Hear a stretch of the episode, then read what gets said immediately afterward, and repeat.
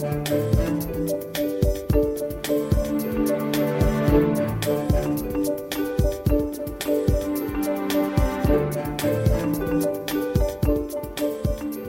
Bodziuk, dzień dobry. To jest program Szczerze o Pieniądzach. W studiu gość, mecenas Bartłomiej Raczkowski z Kancelarii Raczkowski. Dzień dobry, panie mecenasie. Dzień dobry panie redaktorze, dzień dobry państwu. Dużo mamy tematów do omówienia, więc bez zbędnego przeciągania na początek zmiany w kodeksie, albo inaczej. Czterodniowy tydzień pracy. Czterodniowy tydzień pracy. To jest realne w ogóle u nas? Tak, oczywiście, że jest nierealne. E, I ten czterodniowy tydzień pracy stał się jakąś legendą e, bardzo szybko, e, o której bardzo wiele osób mówi, która budzi emocje. Natomiast on w sferze legend pozostanie, bo nie ma najmniejszych szans ani politycznych, ani merytorycznych na to, żeby tę ustawę o skracaniu wymiaru czasu pracy uchwalić. E, Natomiast e, do rzeczy. Rzeczywiście Lewica złożyła według mojej informacji 12 stycznia e, projekt ustawy o skróceniu tygodnia pracy z 40 godzin do 35. E, Więc nie z 5 dni do 4 dni, tylko W piątek chodzi o- wychodzimy troszkę w wcześniej. piątek wychodzimy trochę wcześniej. E, Norma e, dobowa cały czas zostaje na wysokości 8, co też oznacza, że aby osiągnąć ten 35 średnio tygodniowy tydzień pracy, Godzinny. 35 średnio, Godzinny tydzień 35 godzinny średnio tygodniowy ty, y, czas pracy, y, możemy układać y, harmonogramy tak, że na przykład jeden tydzień pracujemy 8, 8, 8, 8, 8, drugi 8, 8, 8, 8, 8 i mamy 10 godzin nadmiaru. Rozumiem. Więc w kolejnym tygodniu powinniśmy dać cały dzień wolny i jeszcze dwie godziny gdzieś wolne. Dlatego, że te 30, 35 godzin będzie rozliczane, tak jak już powiedziałem, w tak zwanym okresie rozliczeniowym. Ten okres rozliczeniowy to jest najczęściej 4 miesiące, a więc tyle czasu ma pracodawca, żeby mógł sobie te harmonogramy układać tak, żeby na te 35 średnio wyjść. No tak, ale czy naszą gospodarkę stać na to, żeby dzisiaj skracać tydzień pracy? Oczywiście, że nas to nie stać nikogo, ani gospodarki, ani nas, ani przedsiębiorców, ani nikogo na to nie stać. Czyli Pracy- wybory idą. pracy, no tylko proszę, proszę y, zwrócić uwagę, że y, projekt został złożony przez Lewicę. E, Czy PiS będzie miał jakikolwiek interes w tym, żeby Lewica odtrąbiła w roku wyborczym taki triumf, że jej projekt skracający czas pracy został uchwalony? Nie sądzę. O, ale nie, że zostało odrzucone, nie chcieli.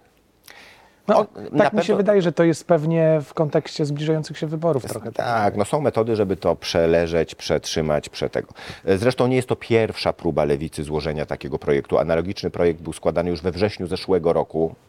E, I no, No tak. nic to Dobrze, nie zmieni. Zostawmy ten temat w takim razie. E, ważniejsze rzeczy. Co się zmienia, jeśli chodzi o prawo pracy w tym roku? Rzeczywiście ten rok jest rokiem wielkich zmian.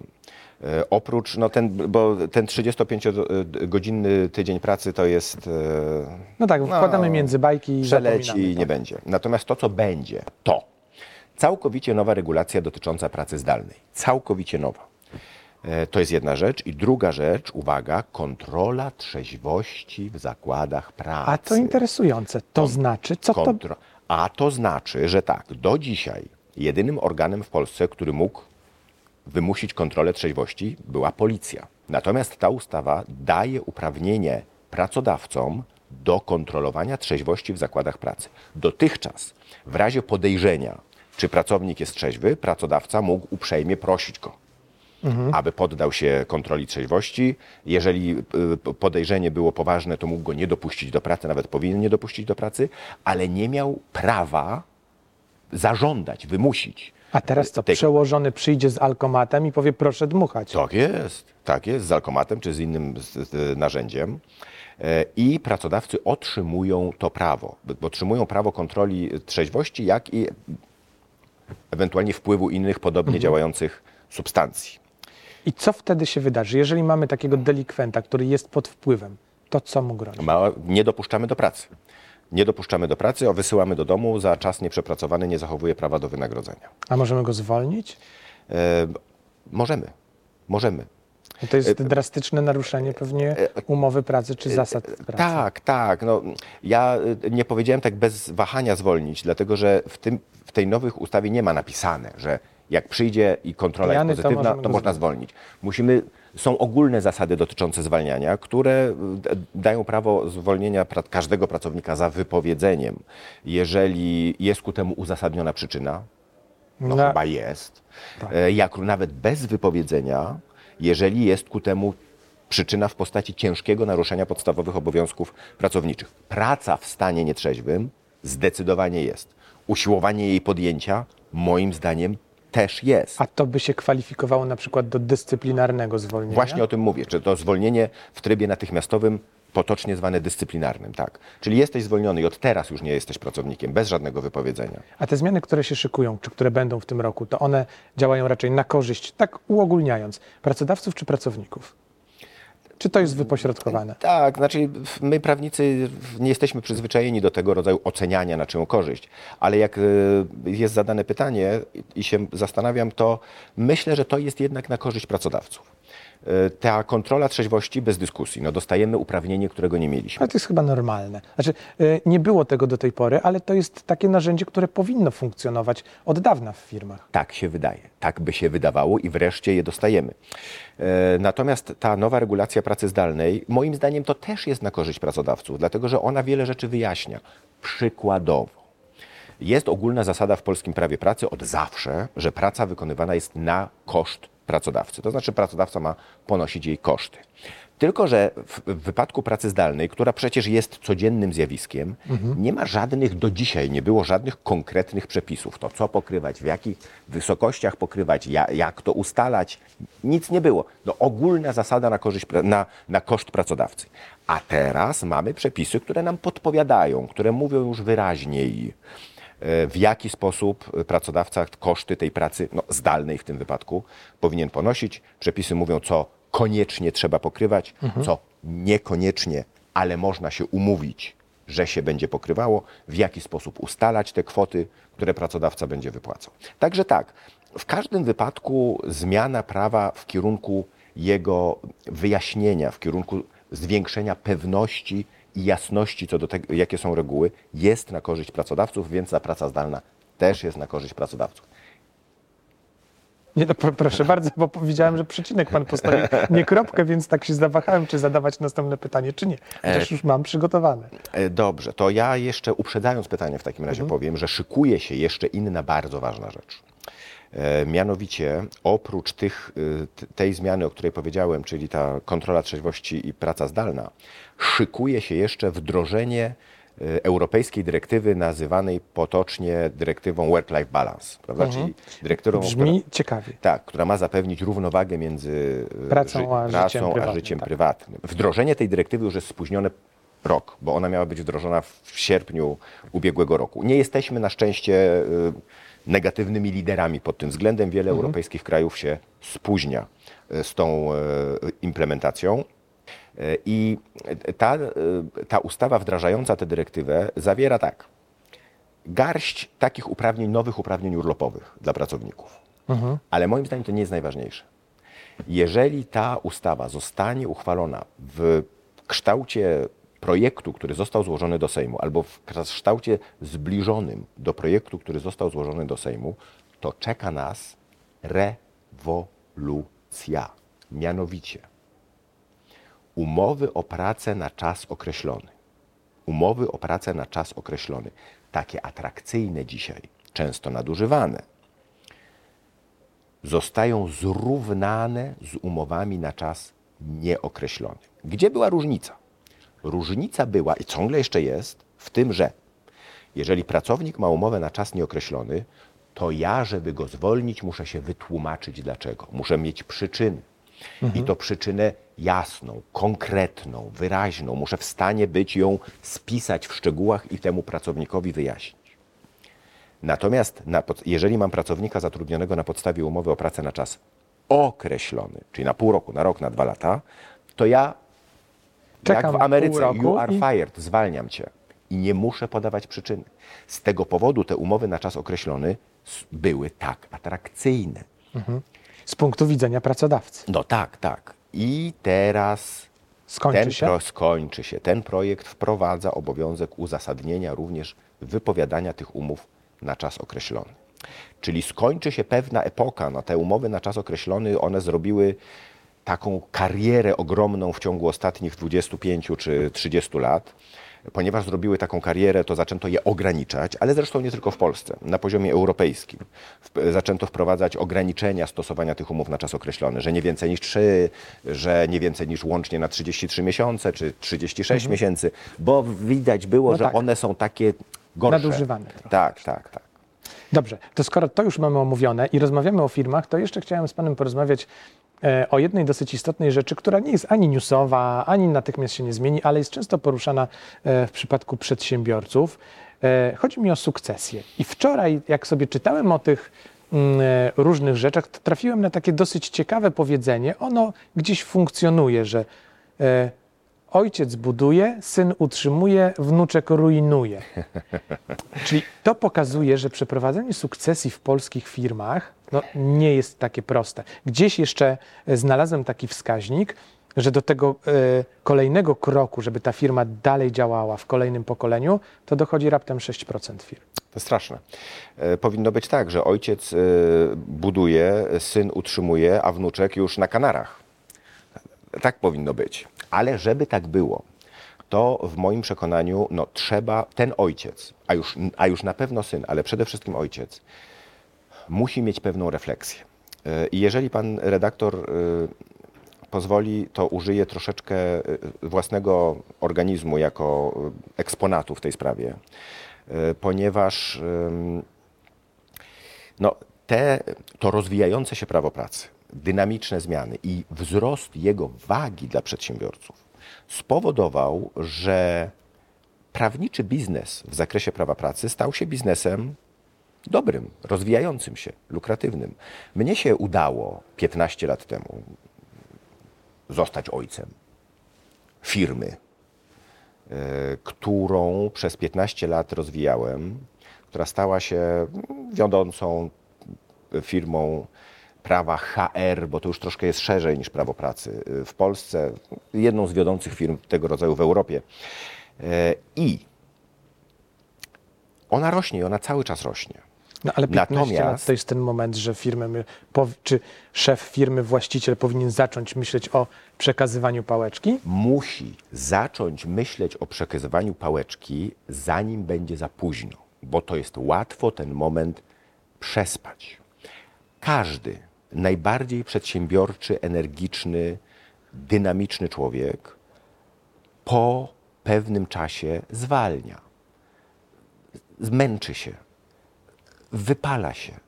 Zaczyna mieć troszeczkę inne rzeczy w głowie, o innych rzeczach zaczyna myśleć. Czyli to nie jest tak, wejdę w słowo, że właściciel firmy powinien ciągnąć i prowadzić tę firmę aż do momentu, nie wiem, gdy stanie nad, tą, y, nad tym grobem i zacznie się zastanawiać, kurczę, komu teraz mam 88 lat, komu by tu przekazać firmę? To już jest o 28 lat za późno. Co najmniej 28 lat za późno.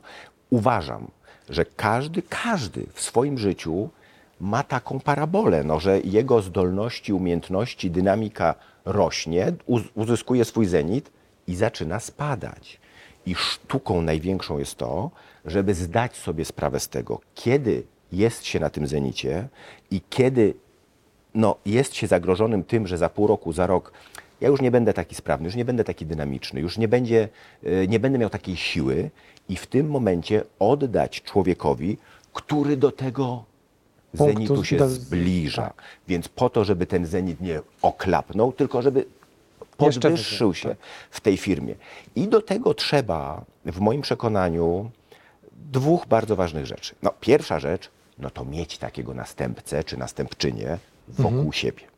To jest pierwsza rzecz. Żeby ją mieć, no to nad tym trzeba zacząć pracować wiele lat wcześniej. Otoczyć się ludźmi takimi, uwaga, otoczyć się ludźmi takimi, którzy nie będą no, nie chcę użyć zbyt mocnego słowa, ale użyję, żeby było szczególnie spektakularne, niewolnikami. W sensie nie otaczać się ludźmi, którzy będą jedli z ręki i wykonywali polecenia. To może być atrakcyjne w tym momencie, w pewnym momencie, bo wtedy to oni nie zagrażają pozycji lidera, nie zagrażają władzy, nie utrudniają w tym sensie, że nie dają wyzwań, łatwo się dają zarządzać, ale nie dają tych szans na przyszłość. Trzeba otaczać się ludźmi, którzy będą mieli, którzy będą osobowościami, którzy będą utrudniali, którzy będą rzucali wyzwania, I którzy będą pytali, tak? I zastanawiam się w takim razie, bo tu jest drugie e, ważne pytanie. To trochę wynika e, z Pana słów, gdzieś między wierszami jest odpowiedź, ale czy tym sukcesorem, tym, kto przejmuje kontrolę nad firmą w bieżącym zarządzaniu, musi być członek rodziny?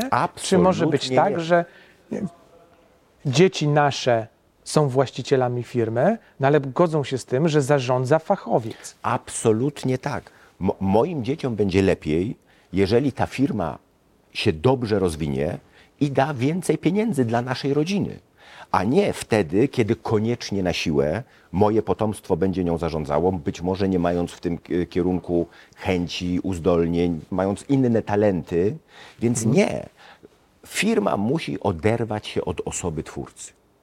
I to jest najlepiej dla wszystkich. Dla twórcy, dla pracowników, dla partnerów i dla rodziny twórcy. Dlatego, że ona się wtedy instytucjonalizuje i ma szansę przetrwać dłużej i łatwiej się rozwijać. A Ale więc taki twórca, ta, taka rodzina twórcy może też mieć symboliczne stanowiska w Radzie Nadzorczej, żeby gdzieś tam z góry spoglądać sobie na to, co się dzieje w firmie, prawda? Nie musi bezpośrednio zarządzać. Rada Nadzorcza ma istotne zadania. Y, To jest Rada Nadzorcza. Ona ma sprawować nadzór nad, miejmy nadzieję, kompetentnymi menadżerami.